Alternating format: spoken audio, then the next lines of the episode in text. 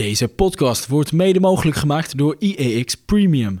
Ons team van 9 beleggingsexperts volgt de markt 24 uur per dag om te speuren naar bijzondere beleggingskansen.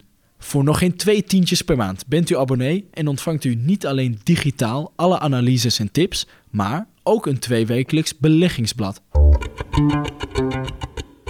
I'm sorry, I fucked up. Niels, wie citeer ik hier?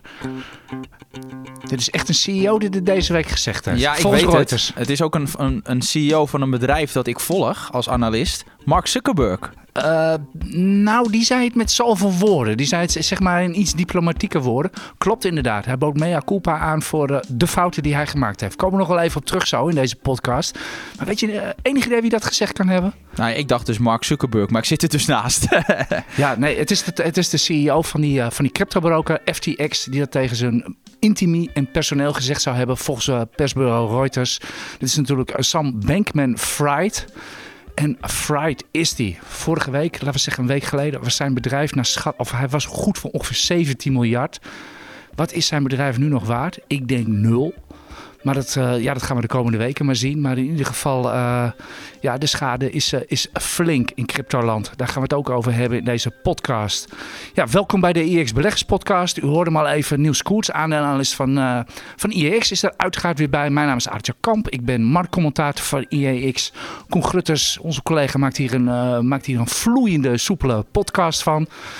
Want wij uh, praten nog alles uh, flink door elkaar heen. Want we zijn gepassioneerde beleggers, zoals dat zo mooi heet, uh, Niels. We hebben weer een knetterdrukke week. Er gebeurt ontzettend veel. En we nemen deze podcast al op donderdag op. Het is kwart over vier.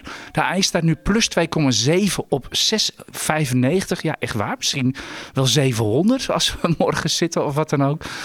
We zetten in ieder geval deze podcast op vrijdag live. Dus mocht het dan helemaal weer anders zijn, dan, uh, ja, dan, dan dat is Dan wat hebben we pech. Dat is, uh, dat is wat het is. In ieder Maar geval goed, doen- dat, dat is het nou eenmaal. Ja, ik, ik, ik heb helemaal ja, onze, aan onze agenda's uh, sloten Nou ja, even niet aan. Ik heb een vrijdag. arbocursus, hè, vrijdag. Voor de goede zaak eh, ga ik daarheen een hele dag. Dus, eh, ja, dus vandaar dat we het een dag eerder opnemen. Oké, wat gaan we allemaal doen deze podcast, Niels? We hebben weer een enorme waslijst. Ja, het, nou, het, het cijfer van de week. En ja, we wilden eigenlijk het al wat eerder opnemen. Maar ja, is toch het inflatiecijfer. Hebben even Gelukkig hebben we even gewacht erop.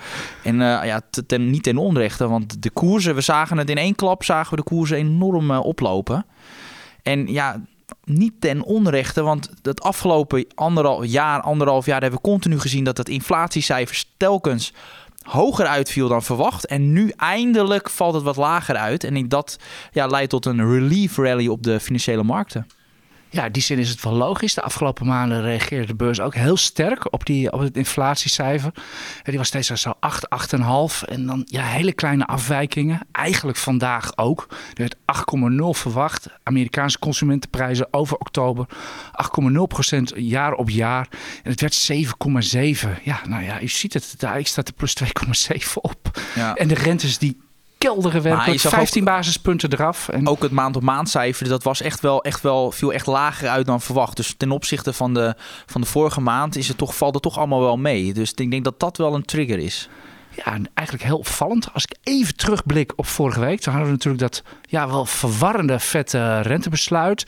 Hè, waar een vrij, eh, ja, zoals we dat dan heet, doffies persbericht. Van nou, misschien gaan we wel minder verhogen in de komende maanden. En vervolgens kwam daar die persconferentie van voorzitter Jerome Powell overheen. Die eigenlijk heel hafiks was, onder meer over inflatie. Ik vraag me echt af hoe dat kan. Want die man die ziet natuurlijk alle vroege indicatoren van inflatiecijfers. Die heeft natuurlijk honderd keer betere data dan wij. Dus ja, ik ben er eigenlijk wel, eigenlijk wel een beetje verbaasd over. En ik had zelf vandaag een tegenvaller verwacht. Maar goed, eh, eind goed, al goed, toch? Eh, zeker, ja. Ja, in ieder geval eh, verder de, de euro rallied. Dat is wat er op dit moment aan de, aan de gang is. En dat zien we morgen dan verder wel weer hoe het erbij staat. Want dan zijn we ook weer een nachtje verder. En de nachten tellen tegenwoordig. Want ja, in cryptoland gebeurt van alles. ja. Niels, hebben we hier te- om het hoge woord, Ja. met- om de beruchte naam en het hoge woord er meteen maar uit te gooien, hebben we hier te maken met een Lehman Brothers moment in cryptoland. Eh, oh, in cryptoland. ja, in cryptoland. Ik zeg het er echt even stellig bij. Ja, Lehman dat- Brothers, dat was natuurlijk de Amerikaanse zakenbank. Die ging eind eh, in september 2008 echt failliet. Die triggerde echt de, echt de kredietcrisis. Met andere woorden, kan het omvallen, daar lijkt het op, van FTX, die grote broker, nummer twee in, de, in, in die wereld. Als die inderdaad omvalt, dat het alles en iedereen gaat meesleuren. Ja, het aparte is, dat zou je dan denken. Maar aan de andere kant, als ik dan de koersbeweging van vandaag zie, dat ik de, de bitcoin staat alweer bijna op het niveau van voor dat nieuws. Dus ja, Ja, die gaat ook hard omhoog op de inflatiecijfer. Juist, hè? Dus, dus ja, ik denk zelf van niet. Maar ik ben natuurlijk geen specialist erin. Het enige wat, wat je maar er eens kan zien is dat het, ja, de, de cryptomarkt gewoon een cowboymarkt is op dit moment. En ja, dat dat, ja, ik, dat ik, ja, ik ben daar gewoon niet zo heel enthousiast over. Je moet daar zo erg mee uitkijken. Ik, hoor, ik hoorde recent, als je ziet hoeveel mensen daar nog steeds in, eh, in beleggen. Ja, ik, ik vind, maak me daar toch wel een beetje zorgen om. Nou ja, met name mensen die eigenlijk niet goed weten wat ze, wat ze doen met hun geld. Hè? De mensen die, die, die vorig jaar met al die reclames in de voetbalstadions. Het was werkelijk een bombardement. Van eh, ja, uw spaarrekening, dat is niks. Ga toch vooral in crypto zitten. En eh, ja, ik heb, moet eerlijk zeggen dat ik wat te doen heb met mensen die dat gedaan hebben. eh, want die zitten Nou. natuurlijk nu wel een beetje raar te kijken. Ja, maar anderzijds, het is toch ook je eigen verantwoordelijkheid. En ik geloof dat Ja, maar jij weet ook dat de helft van de bevolking niet weet wat ze met hun geld moeten ja, doen. maar ik denk dat, dat er wel genoeg gewaarschuwd is voor, voor die, voor die cryptovaluta. En dat mensen, dat denk dat dat wel een redelijk verschil is met, met misschien de dotcom-bubbel, maar ook met 2008, 2009. Dat mensen echt wel weten in wat voor risicovol product eh, ze stappen. En dat ze het vaak ook niet met hun gehele vermogen doen. Dus vaak met een klein plukje, dat zie je wel. Eh, natuurlijk zijn er altijd gekken die dat wel met hun hele geld doen. Maar ik denk dat daardoor de schade nog wel, eh, wel meevalt. Eh, ja, als het voor de spielerij is, dan, ja, dan is het gewoon weer een mooie les geleerd, denk ik. De meeste ja, mensen die ik ken doen dat wel echt voor de spielerij. Maar, Blijkt ook wel uit, uit data die we gezien hebben van de Nederlandse bank en AFM. Dat het toch in, inderdaad veel jongeren ook. En dat het vaak kleine bedragen zijn waar het om gaat. Nou, En, en dat is ook niet, niet verkeerd hoor. Ik bedoel, als jij jong bent en je maakt dan fouten, is de impact ook veel kleiner. Ik bedoel, ja, toen ik begon met beleggen, deed ik ook zo'n beetje alles verkeerd wat je maar verkeerd kon doen. iedereen. Ja. Met al mijn geld in ING en Egon tijdens de kredietcrisis. Ja, toen was ik ook 70% kwijt na een half jaar. Ja. Maar dat is, dat, is, dat is gewoon goed, want op die manier leer je van. Want je leert veel meer van fouten die je maakt dan dat, eh, dan dat dingen in één keer goed gaan. Want dan denk je dat je nou ja, de beste belegger op aarde bent. Dus, dus daarom is het helemaal niet verkeerd als het meteen eh, niet goed gaat. Je kunt het ook nog omdraaien. Er staat gewoon nog altijd 6, 16, 17, 18.000 eh, dollar op het Bitcoin-bord. Ja, dus, en al- dat met een mogelijk een systeemcrisis eh, in de, in de, die eraan zit te komen. Ja, maar ik denk wel dat, dat wel negen- opmerkelijk, ja. 90% van de beleggers op een hoger niveau hebben Ja, ingestapt. dat wel, maar het, het, het, het is geen dumpen, het is geen vluchten, het is geen paniek. Het zijn, het zijn flink lagere koersen, het eh, kletst erin, maar dat zijn we ook wel gewend in, in dat segment. Maar ik, ik zie nog geen, eh, geen overgave of wat dan ook, of witte vlaggen. Nee? Dat, eh, nee, dat, nou, nogmaals, dat vind ik, eh, dat was toen met Lehman Brothers was het wel anders. Ja. De, de aandelenmarkt capituleerde toen echt. Ja, dat was En, wel, toen was er eh, grote paniek. Ik heb daar wel eens beelden van teruggezien. Want ja, ik was toen eh 14 jaar. Ja, dat, ben kan je niet veel toen, van herinneren. Ja, ja, jij wel. Ik toen nog niet. maar eh, ik werd ook volledig opgerookt toen. eh. Ik wil niet meer aan terugdenken. Maar in ieder geval, we weten wat het is. En eh, ja, mensen, mensen, mensen veel sterkte. Moeten we nog even over wat zeggen voor de mensen die niet weten hoe het in elkaar zit? Wat precies nou die, die crisis is? Hoe dat zit met die brokers, met FTX en je, hebt Binance? het, je hebt het relatief goed in de gaten gehouden. Ik ben meer Nou, van de redelijk aandelen. hoor. Ik ben, ook maar, ik ben ook maar een buitenstaander. En eh, ja, je weet een beetje mijn motto, eh, Niels. Van, eh, ik hou niet zo van mooie verhalen op de beurs, maar ik hou des te meer van mooie kaststromen op de beurs. En ja, crypto voldoet op dat, dat punt op geen enkele manier natuurlijk. Er zijn alleen maar mooie verhalen. Maar ik heb nog nooit één rekensom, echt een harde rekensom gezien, wat bitcoin nou waard is. Maar jij wilde natuurlijk ooit nog op die hele harde daling instappen. Maar dat, daar, ben je, daar zie je Nee, een nee, beetje nee. vanaf. Ik, ik, ik vond gewoon geen moment. Het is gewoon niet mijn ding. Kijk, ik ben bijvoorbeeld ook ASML aan het kopen. Dat, dat- ja, dat, daar heb ik meer mee. Overigens, morgen bij ASML, beleggersdag. We zijn heel dus vandaag, dat ja, mensen het vandaag. horen. Ja, oké. Eh, beleggersdag. Ja, we verwachten dat, er, dat ze met een mooi dividendvoorstel gaan komen. Ze hebben al interim dividend aangekondigd. Dus eh, haal ASML morgen even in de gaten. Om even dat crypto-verhaal eh, af te maken. Die broker dus, die FTX van die, van die Sam Bankman-Fried, SBF, zoals ze hem liefkozend noemen.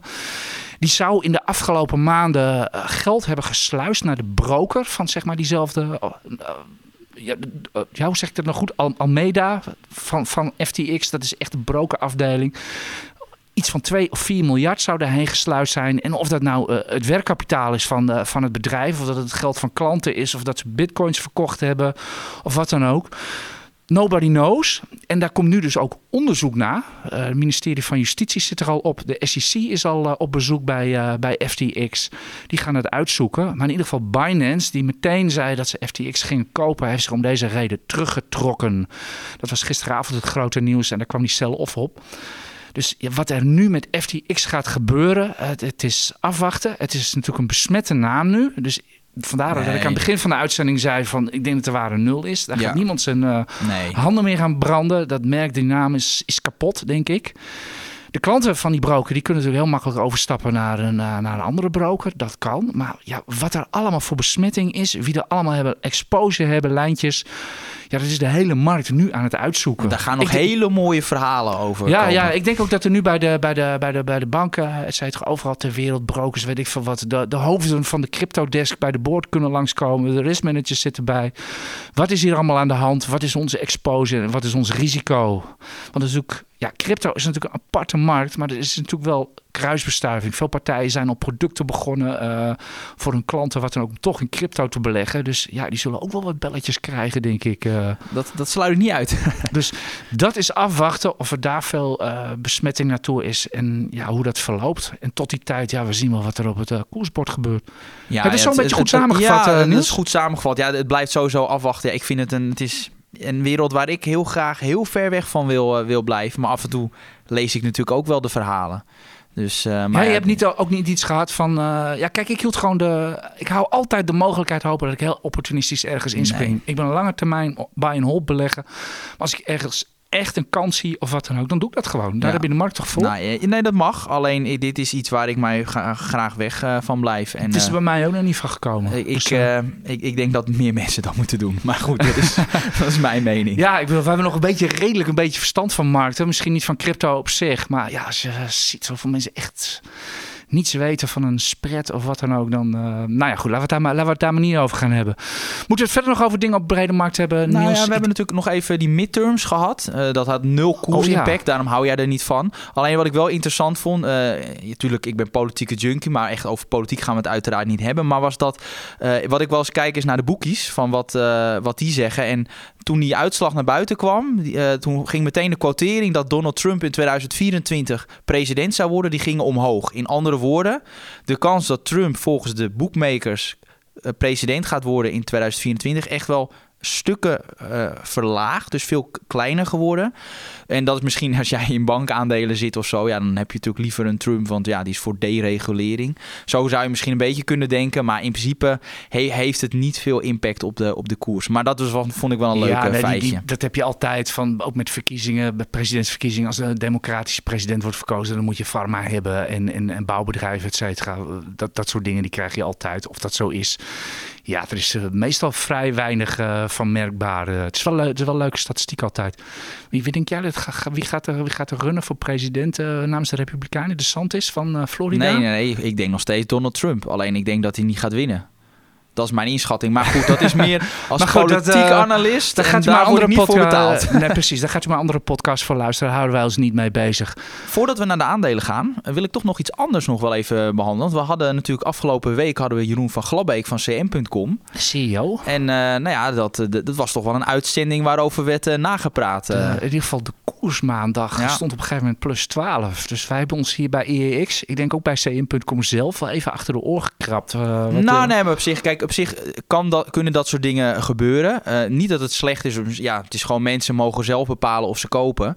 Kijk, het, het aandeel zelf is, het is een, heeft een market cap van 350 miljoen. Nou, dat is natuurlijk vrij groot. Al, alhoewel het een small cap is, is dat voor veel mensen natuurlijk een heel groot bedrag. Alleen wat je vaak ziet bij de wat kleinere bedrijven is dat de handel relatief dun is. Kijk, bij um, cm.com is toch gemiddeld wordt er een half miljoen euro verhandeld. Ja, als dan een aantal van onze luisteraars uh, ja, inkopen, ja, dan zie je dat echt wel dat effect uh, op de koers. En wij denken dat ook gezien uh, te hebben.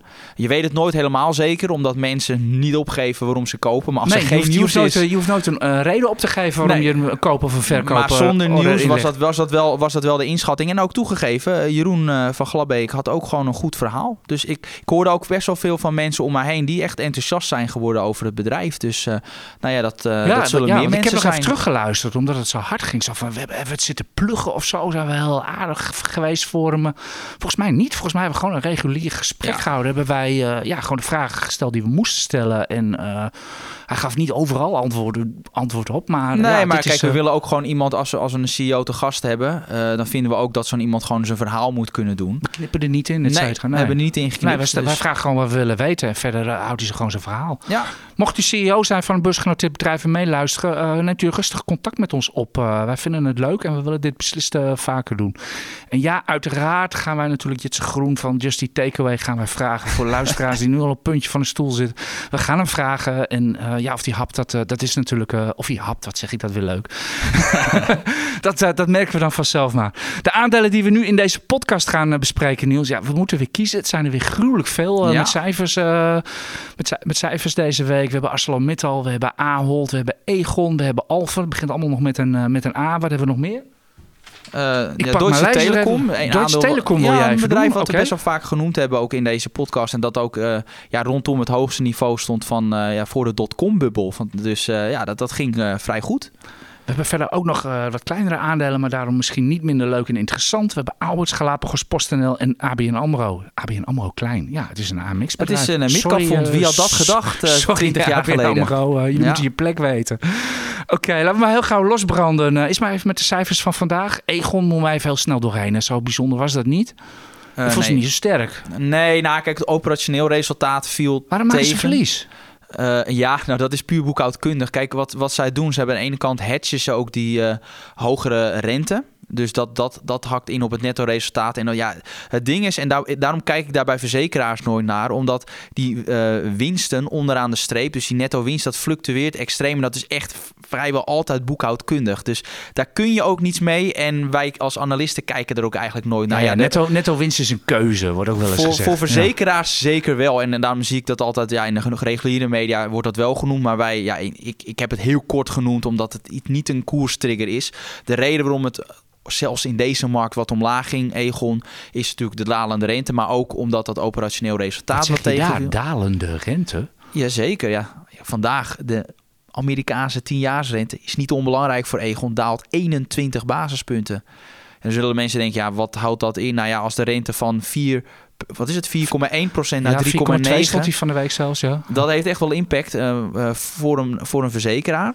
Eh, het is wel zo, en dat in principe kapitaalgeneratie was wel goed van Egon. En ook dat dividend, eh, die targets voor 2023, dat ze 30 cent per aandeel gaan uitkeren, oftewel meer dan 6% Ja, dat, dat, die doelstelling kan gewoon, eh, dat, dat, dat, is, dat, dat wordt wel behaald. Zeker als je kijkt naar de kapitaalsratio van Egon. Dus het- al met al cijfers waar we niet heel lang over zullen napraten. En eh, ehm, ja, met alle, ja, in principe, ik ben nog steeds gewoon positief ja over heb jij ze Egon. ook of niet? Nee, nog Jes? niet. Ik wil ze eigenlijk wel hebben. Alleen ik had gewoon gewacht. Ik denk, wacht even op de cijfers. Oké, heb je al je analyse geschreven of niet eh, hierover? Eh, jazeker. Oh, dus dan mag je zo kopen, ja. Ja, Misschien is dat goed om even te zeggen van hoe, hoe dat precies werkt. Eh, Ja, want kijk, zijn ik- natuurlijk geen eh, crypto-gasten Nee. die eh, doen en laten waar we zin Nee, in principe, ehm, wat ik zelf doe, is, eh, is, is ja, twee Nee, we weken voor. regels. Twee weken, twee weken. Wat ik zelf doe, is twee weken voor een analyse dat je gaat schrijven, dat je gewoon niet handelt erin. Sowieso handel ik ook weinig. Dat is iets wat ik niet. eh, Nee, nee, niet maar als je ook doe. gaat kopen of verkopen aan de hand van, van cijfers. Of Nou, ja, kijk, doe dat- je dat pas als je het stuk op de site hebt staan. Ook, hè? kijk, en het mooiste voorbeeld bijvoorbeeld was Alphen. Daar, eh, dat, ik was met die analyse bezig, ik begonnen om half acht. En ja, ik zag daar toch echt wel een negatief puntje in de cijfers, die best vrij belangrijk was. Zat een beetje verstopt, moet je wel een beetje goed lezen.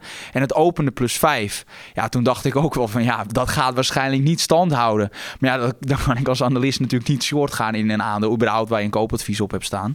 Maar dan de- wist ik ook wel, ja, voor korte termijn gaat het misschien lager, maar lange termijn ben ik, blijf ik wel eh, positief. Ja, nu toch over Alfa hebt, daar gaan we wel even mee door. Want eh, niet normaal wat daar gebeurt. Eh, zijn, we, zijn we er weer ingestoken? We, Nee. we hebben al eerder staan klagen in deze Nee. podcast... dat bedrijven in hun persberichten bij de cijfers... zetten ze de leuke dingen neer en de vervelende dingen. Nou, Ja, ze- ja beste beursbedrijf, denken jullie dat we dat niet gaan vinden of zo? Nou, Dat- kijk, ze zijn, ze zijn best wel transparant. Alleen het ding is, kijk, dat moet je net zo lezen. Kijk, bijvoorbeeld, dat ging om die elektrische laadpalen die verkopen. Dat lag in in het derde kwartaal was het uit mijn hoofd 170% gestegen. En wat zeiden ze? Over de hele tweede jaarhelft, dus in het derde kwartaal was het 170% groei. Maar wat zeiden ze? Over de hele tweede jaarhelft, dus dat is derde kwartaal en vierde kwartaal. gaan, wij, nee, gaan wij uit van een verdubbeling van de omzet van bij die laadpalenbusiness. Ja, als jij gewoon zo leest, denk je, nou, verdubbeling klinkt heel goed. Maar als je al in het derde kwartaal 170% gegroeid bent, ja, dan kan je snel al zien, dan heb je een enorme groeivertraging in het vierde kwartaal. En dat is, uh, dat is ook het geval.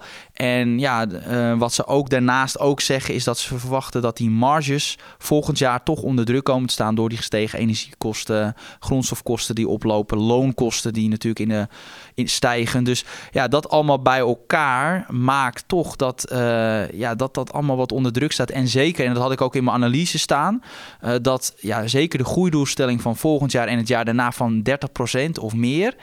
Ja, dat, uh, daar heb ik mijn twijfels over of dat, uh, of dat gaan halen. Zeer uitdagend. Dat, uh, zou ik zelf... Ik, ik, ik, ja. Nou ja, dat bedoel ik dus. Ik bedoel, hè, een ronkend persbericht, uh, hoera, Q3. Maar inderdaad, uh, Alfa weet ook dat het natuurlijk om, uh, ja, maar om, kan de, al, om de toekomst daar gaat. Daar kan Alfa natuurlijk ook niets aan doen. Ik bedoel, als de verkoop van elektrische auto's, als dat 10% daalt, ja, dan kan je je voorstellen dat... nee, dat, dat, dat, snap ik dat ook die wel, laadpalen maar natuurlijk, dat je niet extreem doorgaat met het bouwen van, van laadpalen. Nee, dat, dat snap ik ook wel. Maar ik bedoel, ga er niet in je persbericht zo lopen ronken als het allemaal wat minder wordt. Nou, nee, maar ik vond niet dat ze het echt verstopt. Alleen je moet gewoon goed lezen. Ja, dat vind ik Ja, ook dat vind ik, dat ik, vind ik zo- daar heb eigenlijk ik wel leuk. ochtends voor beurs geen tijd voor. Nee, Jij wel. ik wel. Ja, maar ik ik, vind dat ik heb drie seconden om naar zoiets te Ja, maar kijken. dan kan je als analist natuurlijk het verschil maken als Ja. je goed leest. Ik voel, me weer een aantal ik mensen. voel me weer op het verkeerde been gezet. Maar er waren wel een aantal mensen. Waarom handhaaf je het nou wel eh, een, een, een, weliswaar een licht buy-advies? Dat is ik, ik, over de middellange termijn tot lange termijn blijf ik wel heel zeer positief over dit bedrijf. Eh, zij zijn naar mijn mening een van de grootste winnaars van de energietransitie. Dat zijn ze ook. En ehm, ja, dat het dan op korte termijn, ja, dat het dan eventjes eh, tegen zit, ja, dat neem ik dan wel mee. Dus het koersel gaat wel omlaag, maar algemeen blijf ik wel positief uh, Ja, over nog deze één puntje in die cijfers. Ik zag dat ze ook een kre- kredietfaciliteit hebben genomen bij de, bij de banken. Ja. Ja, maar- gaat, gaat, de, eh, is, gaat de kaststroom daar volledig in de voorraadopbouw zitten? Ja, maar dat is op zich ook wel eh, logisch. Want als jij zo hard groeit, ja, en, en je ziet het ook met die toeleveringsproblemen, die toeleveringsketen, dan moet je meer voorraad aanhouden. En op korte termijn gaat dat dan ten koste van eh, je vrije kaststroom. Maar die vraag naar hun producten, ja, dat is er wel degelijk. Dus eh, ja, dat is zoals het is bij een groeibedrijf. Oké, zullen we doorgaan naar de vragen? Want er zit ook ArcelorMittal tussen. Die hadden Ja. vandaag natuurlijk ook cijfers met, eh met dochter Eprim of Aperam, hoe je dat maar noemen wil. Dan nemen we die meteen even in het vragenrondje mee. Is dat een idee, eh, Niels? Helemaal goed.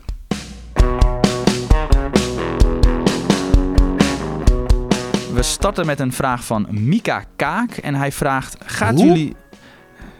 Mika Kaak, ja, dit vind ik een vrij makkelijke naam om uit te spreken, dit keer wel. Eh, gaat jullie voorkeur meer uit naar Aperam of ArcelorMittal na het zien van de Q3-cijfers? Ja, ja, het is altijd een lastige, maar welke van de twee moet je hebben? Over het algemeen ben ik niet zo'n liefhebber van, eh van hoogcyclische bedrijven die over het algemeen voor zijn schuldgraad hebben en ook met lage marges werken. Maar wat ik wel vind eh, van met name ArcelorMittal eh, is dat, dat zij toch nog wel... Kijk, tuurlijk zag je dat de winstgevendheid enorm onder druk stond. Op kwartaalbasis halveerde de winst, maar ja, dat zag eigenlijk iedereen wel aankomen. Dat, dat, dat wist iedereen van tevoren. ja. Daarom, dus dat is geen verrassing. Maar wat ik wel goed vind en wat in het verleden altijd een probleem was van Arcelor, was dat zij overnames gingen doen in de goede tijd. En dan ging het slechter en dan hadden ze weer een te hoge schuld en dan moesten ze weer em- emitteren. En nu zie je juist dat per saldo hun balans ja, nou, bijna schuldenvrij is. Een net debt EBITDA ratio, ja, dat zijn echt een beetje analistentaal, van 0,2. Dat is echt heel erg laag. Dus ja, zij hebben hun balans gewoon echt op, op orde gekregen. En daar, daar ben ik wel enthousiast over. Lange termijn of ArcelorMittal de place to be is. Ook als je kijkt naar de recessie die er toch wel een beetje aankomt. Ja, ben ik daar voorzichtig in. Hetzelfde geldt een beetje voor, voor Aperam. Dus over de sector aan zich ben ik niet heel laaiend enthousiast. De beleggersdesk over het trouwens ook niet. Eh, maar eh, het staat er wel veel beter voor in de aanloop naar een recessie dan, dan dat het in het verleden is geweest. Ja, eh, vooral in ArcelorMittal. 2008 ging het verschrikkelijk fout, eh, fout met ArcelorMittal. Ja. Zijn we echt in de value trap ja, getuind. Wat mij, wat, wat mij ook nog opviel aan ArcelorMittal. Ik, ik, denk eerlijk, ik begin eerlijk gezegd een beetje de indruk te krijgen dat zo'n lief... Ik ben even zijn naam kwijt van de CEO van... maar dat is natuurlijk de zoon van Lakshmi Mittal. Ja. Dat hij het beter doet dan pa. Ik bedoel, we zagen begin dit jaar met die oorlog in de Oekraïne. Ik, hoe die man dat gedaan heeft, weet ik niet. Maar in een paar weken tijd wist, uh, wist ArcelorMittal al, alles wat ze daar kochten in Rusland aan grondstoffen. Nou, dat gaat natuurlijk in gigantische bulkhoeveelheden. Dat ze het volledig gedraaid hadden en het ergens anders vandaan wisten te halen. En ze hebben nu in het afgelopen kwartaal hebben ze hun, uh, gas, uh, hun gasrekening met 30% gedrukt. Ja. Dat, uh, dat, ja, dat is goed. Hoe doe je dat? Je, Ja, ja, maar dat het is natuurlijk wel zo, die gasrekening, moet even kijken hoe dat natuurlijk over een jaar is. Dat is natuurlijk altijd lastig. Wij hebben daar natuurlijk geen inzage in. Maar uh, over het algemeen uh, moet ik toegeven dat ze het goed voor ik vind, elkaar Ik vind dat heel flexibel voor zo'n voor zo gigantisch, voor zo gigantisch concern. Ja. Nee, helder. We- We gaan door met een vraag van Philip Gros. En hij zegt van, wat is jullie mening ten opzichte van de grote ontslagrondes die plaatsvinden bij Big Tech? Want jij begon met die ja, we excuses. begonnen met Meta. Ja. Ik- met die excuses. Ik dacht, nou, dat is Zuckerberg. Want die heeft ook zijn excuses eh, Ja. aangeboden voor natuurlijk de ontslagronde. Oh, En dat hij natuurlijk ja, toch een beetje het heeft verkeerd heeft eh, ingeschat. Ehm, ja, het is bij die grote techbedrijven, ja, ze groeiden hard. En als dat dan even niet het meer het geval is, dan zie je met name in de VS dat je relatief makkelijk eh, ja, toch mensen eruit kan eh, Eh. schoppen. Klinkt wat oneerbiedig, maar dat is wel zoals het eh, gaat. Het gaat op een hele andere manier dan hier in Ja, Europa. het, het, is, het is heel anders de arbeidsmarkt in de VS dan hier. Je kan er veel makkelijker mensen aannemen, maar ook veel makkelijker ervan af. En, eh, dat maakt die arbeidsmarkt natuurlijk ook Ja, veel- flexibeler. ja, ja, dus uh, nou ja, dat is natuurlijk dat is de keuze tussen de Anglo-Saxisch Ja. en het Rijnland-model. Laten we het daar maar, maar even ophouden. Nee, maar het is, Ja, nou, wat ik wel wil zeggen, het is ook wel zo. Kijk, als iemand wordt ontslagen, is het natuurlijk altijd pijnlijk en dat gun je niemand. Aan de andere kant is het wel zo dat het voor de Amerikaanse arbeidsmarkt helemaal niet zo heel slecht is, omdat die was natuurlijk zo overspannen. Er was zo'n krapte op die arbeidsmarkt. Dan is het helemaal niet zo slecht dat er iets meer werkloosheid eh, komt, omdat die arbeidsmarkt dan wat meer in balans eh, komt. Dus eh, Uh, ja, dat is een oude economisch Ja. lesje toch? Van, van economielessen. Een beetje werkloosheid is gezond. Want inderdaad, dat houdt die, dat houdt die uh, arbeidsmarkt gezond. En die is natuurlijk zwaar overspannen in de VS. Nou, even over die... Uh, ik vond het een zeer indrukwekkende brief van Mark Zuckerberg naar, aan zijn personeel. Hij, hij, stak niks onder stoel of bank. In één alinea zette hij gewoon uit van... we zijn gewoon verkeerd geweest in de afgelopen twee jaar. We dachten dat de trends uit 2020, de lockdown trends... die enorme vlucht in tech, dat dat zou doorzetten. Hebben we op geïnvesteerd. Dat, uh, dat, is, dat, dat is niet uitgekomen. En dat is mijn fout. I take responsibility for that. Punt uit. Meer ja. zei hij er niet over. En uh, dat is klip en klaar. En ook maakt er toch geen geheim van. Uh, ontslagronde is vreselijk. Maar we proberen dit zo goed mogelijk af te handelen. Maar wat, die, wat niet bleek uit de, uit de brief is waar precies al die banen gaan sneuvelen. Hè. Wall Street heeft natuurlijk vooral op de korrel dat metaverse. Dat vindt Wall Street gewoon veel te duur. En uh, hè, daar komt het eigenlijk uh, op neer. Ja. Dus uh, ga daar maar eens wat in hakken, Mark. En vorige week hadden we hier Jeroen van Glabbeek. Die zich afvroeg waarom ze WhatsApp niet uitrollen. Want daar vallen volgens hem vreselijk veel geld mee te verdienen. Dat soort dingen zaten er allemaal niet in. Hoe sta jij tegenover? Jij bent aandeelhouder van Meta. Moet je Mark Zuckerberg gewoon zijn gang laten gaan? Dus ja. een super ondernemer. Ik ja, denk kijk, altijd, die moet je niet voor de voeten lopen. Nou, dat, maar... dat, zo, zo denk ik. Kijk, hij ziet die kansen. En um, ik vind, ja, hij is dat soort ondernemers iemand... denken anders dan wij. Hè? Daarom, Vergeet dat en nooit. dat maakt ja. hem ook zo succesvol. Dus ik vind wel dat, dat hij het voordeel van de twijfel verdient daarin. En uh, hij heeft ook het hele bedrijf opgezet. Dus ja, ik, ik ga daar gewoon in mee. En, uh, en dan, ja, ik ben er gewoon eerlijk in. Dan zie ik wel uh, of het wel of niet succes, succesvol is. En zelfs al ploft dat hele metaverse project, dan kan er nog steeds het aandeel meta gewoon nog steeds hard stijgen. Omdat ja, dat hele project, er zit een enorme, ja, dat wordt eigenlijk op negatief gewaardeerd door de markt. Als je ja. kijkt naar de huidige winst, bijvoorbeeld per aan, of de, de koers-winstverhouding van, van meta, dat is ongeveer 11 uit mijn hoofd, 10 à 11. Ja, dat is dus inclusief die cashburn van die, van die metaverse. Dus dat wordt gewoon zwaar negatief gewaardeerd. Dus ik zie daar kansen, maar ja, ja we, gaan, maar we gaan het zien. Bij, bij Facebook, WhatsApp en, en Instagram waait het geld door de ramen naar binnen. Daarom. Dus dat, iets minder dan dat het was natuurlijk. Maar... Dat wel, maar uh, okay. ja, Heb dat je nog meer vragen? Als ik kijk zometeen nee, even op mijn telefoon. Nee, want ik had op. Twitter nog een oproep gedaan. Dus moet nog okay. even kijken of er nee, nog wat bij we gaan nog wel even door. Uh, oh, dat ging over ja, onder andere Berkshire Hathaway. En die, er was iemand die vroeg van... Ja, Berkshire Hathaway die zit in de S&P 500. En die ja, bezit 40% van de aandelen Apple. Maar Apple, en dan vroeg je zich af, zit Apple dan niet twee keer in die S&P 500? Want ja, zo is het eigenlijk wel. Want je hebt het individuele aandeel, maar ook bij, via Berkshire Hathaway. Ik had even gekeken, het klopt inderdaad. Het is wel zo, ja, Berkshire Hathaway, ik geloof anderhalf procent weging binnen de S&P 500. We moeten het ook allemaal niet...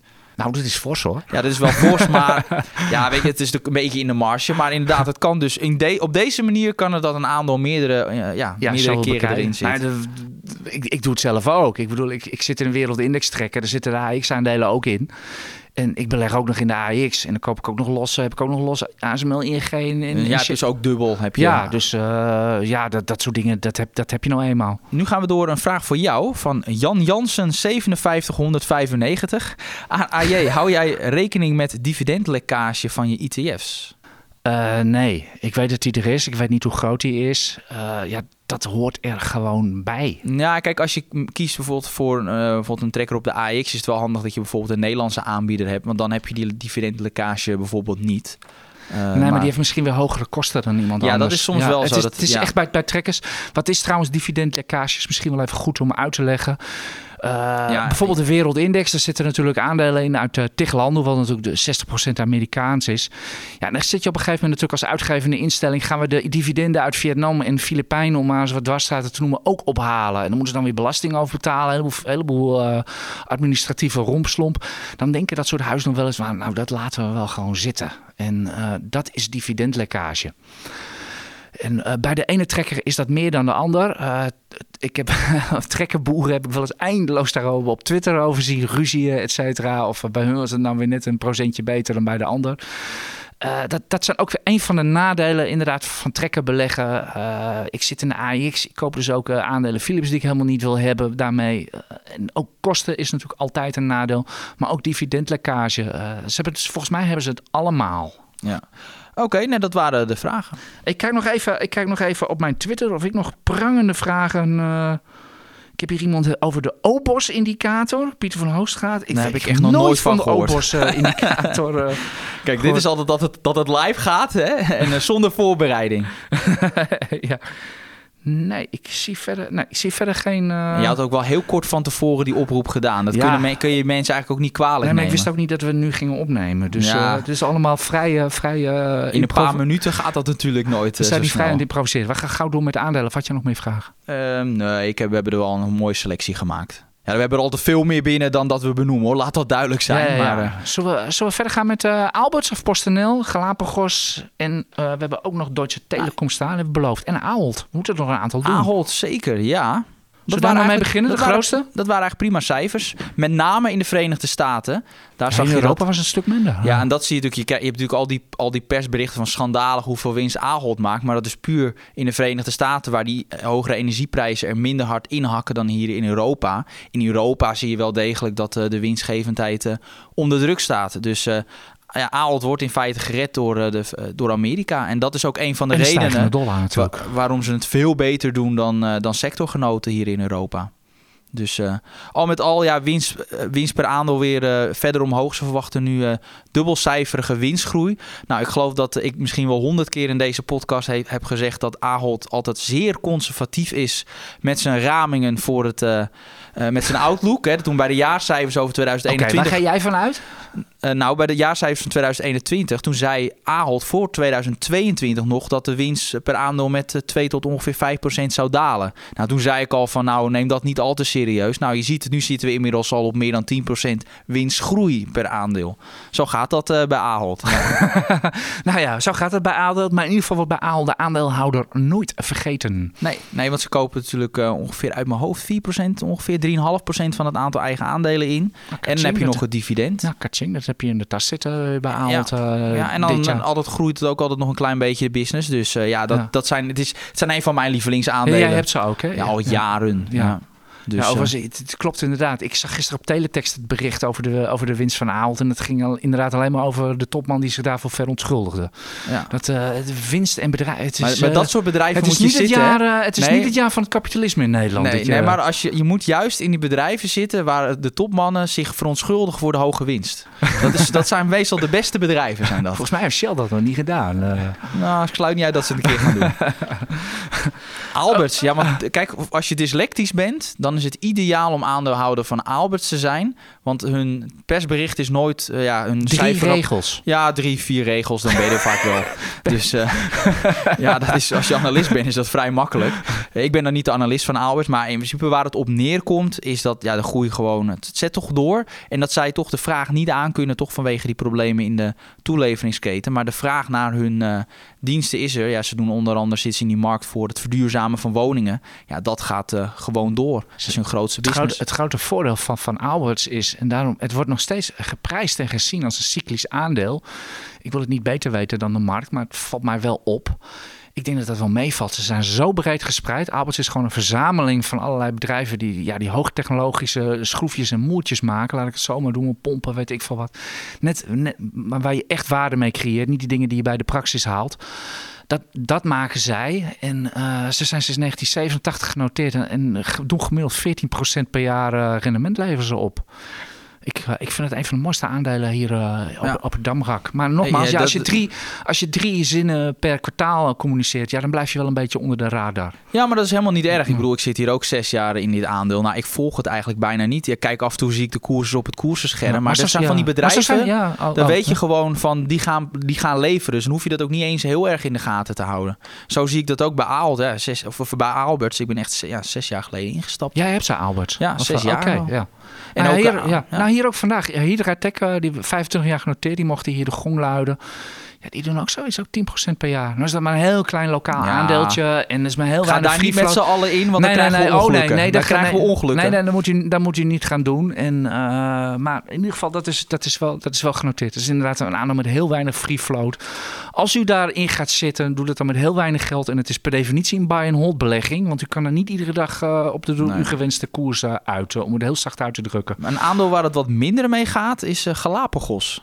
Dat was toch... Niels, ja. wat, is, wat is daar nog de fantasie in? We hadden een strategie-update vorige week. Ik, ik zag alleen maar management lingo erin staan. Ik kon daar zelf niks mee. Nee, nee. En, uh, ik, ik, ja, kijk, het vertel het me. Jij het, hebt ze nog, hè, de stukken? Nee, nee, ik heb ze niet. Want we hebben het ooit eens op... Ik geloof dat het... Nu hebben we no rating, maar daarvoor ja, maar hadden je had het stuk zelf, toch? Ja, maar we hadden het ooit op cel gezet. En bij ons is het beleid altijd... Als, als het aandeel op cel staat... is het niet de bedoeling dat dan iemand van de beleggersdesk het aandeel nog heeft. Dus heb ik toen verkocht aantal maanden geleden was dat. Oké. Okay. Maar, maar uh, ja, waar het op neerkomt, kijk, ze, dat is een beetje het ding. Het aandeel noteert rond de 40 euro en er zit voor 67 euro per aandeel aan cash in het bedrijf. Dus ja, dat is aan de ene kant natuurlijk fijn. Alleen het probleem is dat we dus de, waarschijnlijk de komende zes jaar, tenminste de komende zes jaar, ja, helemaal geen product sowieso op de markt krijgen. En ook, ja, dat, er is eigenlijk nog helemaal niks verder. Het is een bak met cash.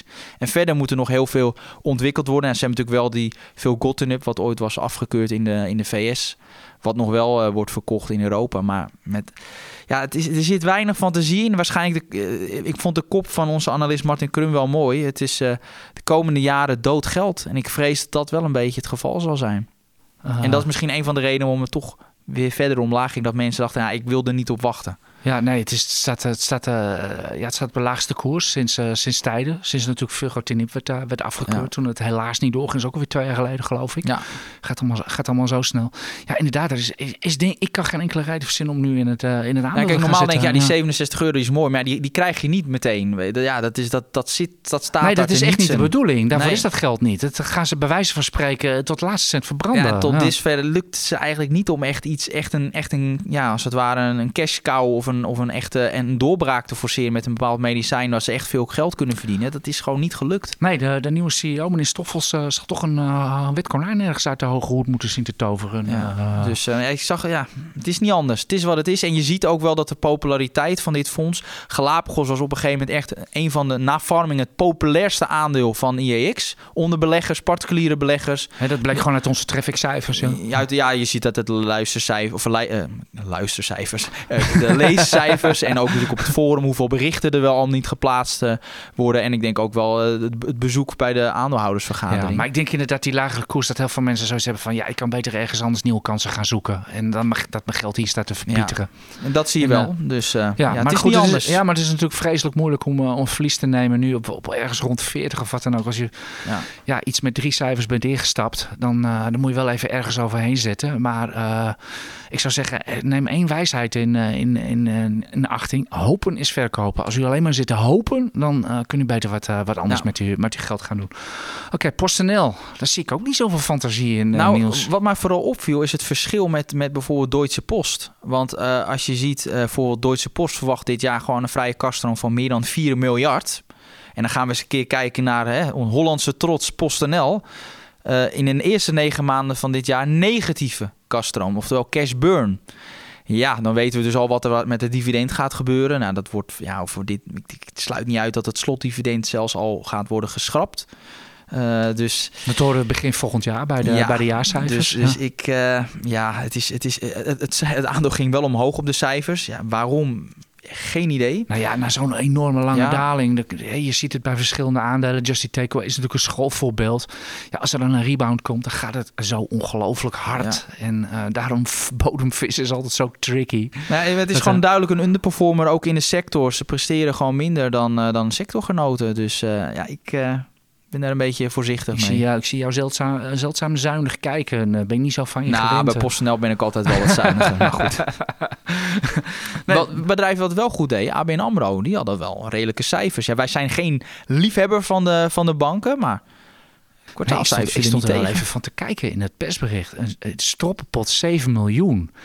Ik bedoel, uh, ik zat echt met gordels om uh, die, die cijfers van ABN AMRO te openen. Want een week eerder natuurlijk uh, ING ruim 400 miljoen in de stroppenpot. De markt verwachtte 100 miljoen in de stroppenpot bij ABN AMRO. Nou, ik, denk, hè, ik hoef er niks uit te leggen. Er zit een recessie aan te komen. En dan gaan de stroppenpotten vol bij de, bij de banken.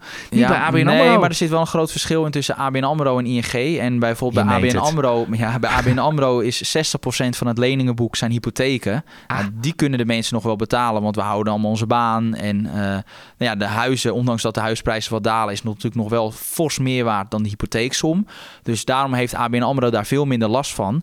Bij ING, die hebben natuurlijk veel meer bedrijven uit, of leningen uitstaan aan bedrijven. Ja, en met, dan met een aanstaande recessie zit je daar natuurlijk slechter. Want ja, dan is het ook logisch dat daar die stroppenpot wat, uh, wat omhoog gaat. Dus ja, ja. dat is het grote verschil. Oké, okay, maar heb je dan, heb je, uh, kun je niet met de cyclus te maken gaan krijgen? Dat zeg maar nu ING de, de grote voorziening moet nemen voor inderdaad bedrijven die niet meer kunnen betalen. Maar dat misschien over, over een jaar, twee, drie jaar, als die huizenprijs blijft kwakkelen. Of ja, maar dan moet dat wel gaat, gebeuren. De werkloosheid toeneemt. Uh, ja, maar dat kan ook zo zijn dat omdat die lonen natuurlijk, we hebben hoge inflatie. Dan moeten uiteindelijk de lonen ook een beetje mee. Dat mensen toch wat meer verdienen.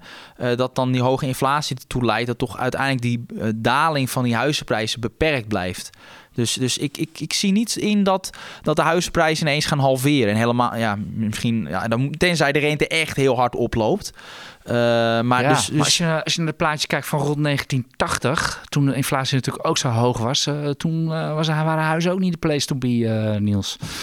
Dus, nee, uh, maar, nee oké, okay, maar toen was de rente waarschijnlijk ook veel hoger. Oh ja, die stond knetterhoog. Nou, ja. Kijk, en dan is het natuurlijk ook logisch dat, dat, die, uh, ja, dat die huisprijzen laag zijn. Nou, je ziet nu de inflatie helemaal in de VS wat afvlakken nu. Dus nou, ik ben daar iets, uh, iets positiever over. Dus ik denk dat, het, ja, dat de verder, schade voor ABN meevalt. Ja, verder vielen alle cijfers vielen dik mee van, van ABN AMRO. Ze zijn, wat dat betreft zijn ze wel echt goed aan terugschalen. Alleen kostenbesparingen mogen ze nog wel een tandje bijzetten. Ja, 4% kosten erbij. Ja, oké. Okay. Nou ja, het, het, het, viel niet. Het was, het was slechter. Dus Ach ja, maar het kan veel beter. Ja, ING doet dat veel beter. Ja, maar we kennen natuurlijk allemaal ABN AMRO's die te veel verdienen. Laten we het, het gewoon maar hard zeggen? Ja, ja ik, kan daar, ik, ik ga er gewoon niets over zeggen.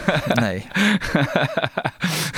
nou, laat, laat, laat, ik ook maar, laat ik ook maar niks zeggen. Uh, zijn we er doorheen? Of nou, we nog... Deutsche Telekom nog kort. Jij want dat, nog, jij nog nou ja, dat is, die hadden vandaag cijfers. Nou, omdat, en... je, omdat jij uh, ja, al heel lang uh, dit aandeel in de aanbieding ja, hebt. Zeg en je maar. ziet dus een van de weinige aandelen die dit jaar echt fors hoger staat. Staan op het niveau uh, ja, van uh, rond de dotcom-bubbel. Dus toen, uh, dat, toen ja, dat wisten we wel twintig jaar geleden dat die telecommers gigantische koers lieten zien. Nou, dat zijn toen hard afgekomen. Maar je ziet nu uh, Deutsche Telekom in de lift. En ook ja, wat je zag bij de cijfers, voor de derde keer de outlook verhoogd. Positief dividend met circa 10% omhoog naar 70 cent per aandeel. Dus dat is mooi. Koers ging er wel op omlaag, een paar procent. Alleen um, dat was misschien ook omdat die goede cijfers weer een beetje waren verwacht. Dat is altijd een beetje een dingetje. Je hebt goede cijfers en de outlook wordt verbeterd. Maar als de markt had verwacht dat, dat, dat je het nog met nog beter outlook kan komen... dan kan je op goede cijfers wel degelijk dalen. En bij Deutsche Telekom hadden we al een indicatie dat die cijfers goed waren. Ook bijvoorbeeld omdat T-Mobile USA heel goed, goede cijfers had. En daar hebben zij een, belang in. Dus... Uh, dus al met al, ja, ik blijf nog steeds zeer enthousiast uh, over die beleggingen. Mooie hoge kaststromen. Gaat ook echt oplopen de komende jaren. Prima dividend. Dus uh, ja, dat is van die defensieve fondsen. Die horen eigenlijk in iedere breed gespreide portefeuille. Je wil niet alleen maar met die hoge risico aandelen in je portefeuille zitten. Dus daar hoort dan ook misschien een wat saaier aandeel als Deutsche Telekom bij. Ja. Dat is wel grappig dat je dat zinnetje zit in mijn hoofd. Dat het op, op de dotcom high staat. Nee, nog niet helemaal, maar het komt daar wel redelijk. Uh, ja, het komt wel weer redelijk. Wat, wat dat betreft moet u voor de gein eens een hele lange grafiek van uh, KPN gaan trekken. Wat dat rond 2000 deed en wat het nu doet. Dat was krankzinnig. Dat is, ja, dat is een hele rare tijd, maar goed, daar kunnen we niet over. Laten we, laten we het daar verder maar niet over nee. hebben. Maar je noemt ook nog even die tech-aandelen. intussen staan die, staan die behoorlijk te gillen op het bord. Laten we hopen dat morgen, dus vrijdag, als u naar deze podcast luistert, dat, dat, dat ze nog steeds goed nou ja, liggen. Kijk, op een, een Amazon een voorbeeld. Ik zag even de koers van Amazon op een inflatiecijfer plus 11 op dagbasis. Dat is, dat is geen kleine jongen. Nee, maar bij ons staat Adyen, toen wij aan deze podcast begonnen, ook plus 10%. Gisteravond keek ik nog naar, in die dotcom, of in die crypto-ellende, keek nog eens even naar wat gevoelige grafieken, zeg maar. Ik zag bijvoorbeeld dat Katie Woos ARK stond weer op een nieuwe low. Dus gewoon weer 80 toch, vanaf de high? Ja, ja stond gewoon weer op een uh, bodem. Uh, de bekende meme-aandelen GameStop en uh, AMC bewegen langzaam, maar zeker toch weer toe naar de koersen waarop ze twee jaar geleden begonnen. Dat is echt een hele lange, smerige downtrend is dat.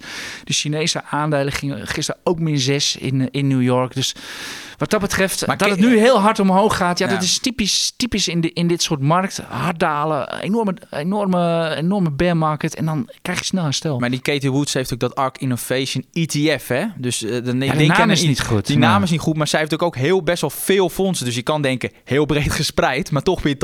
Want als je allemaal in datzelfde segment zit, met hele risicovolle bedrijven, ja, dan kan je spreiden tot je een ons weegt. Maar als je in allemaal ja, zogenaamde junk aandelen zit, ja, dan, ga je, dan kan dat gewoon gebeuren. Ja, maar wat is spreiding als je alleen maar in niet winstgevende aandelen Daarom, zit? dan ben je eigenlijk helemaal niet gespreid. Nee, en het, is, het, het, is, ja, het wordt ETF genoemd, maar het is gewoon, het is gewoon een handelarenfonds. Ongeveer, uh, haar gemiddelde strategie is ongeveer, ze koopt aandelen op de dip. Nou dat kunt, u, dat, dat, uh, dat kunt u op dit moment even niet doen. Wij zijn heel benieuwd. We gaan kijken wat de AX doet. Of er inderdaad misschien wel een 7 op het bord uh, staat. Alles lijkt mogelijk uh, vandaag. Dank u hartelijk weer voor, de, voor het luisteren naar deze iets wat vroege, vroege podcast. We hopen dat ASML morgen een mooie verhaal heeft.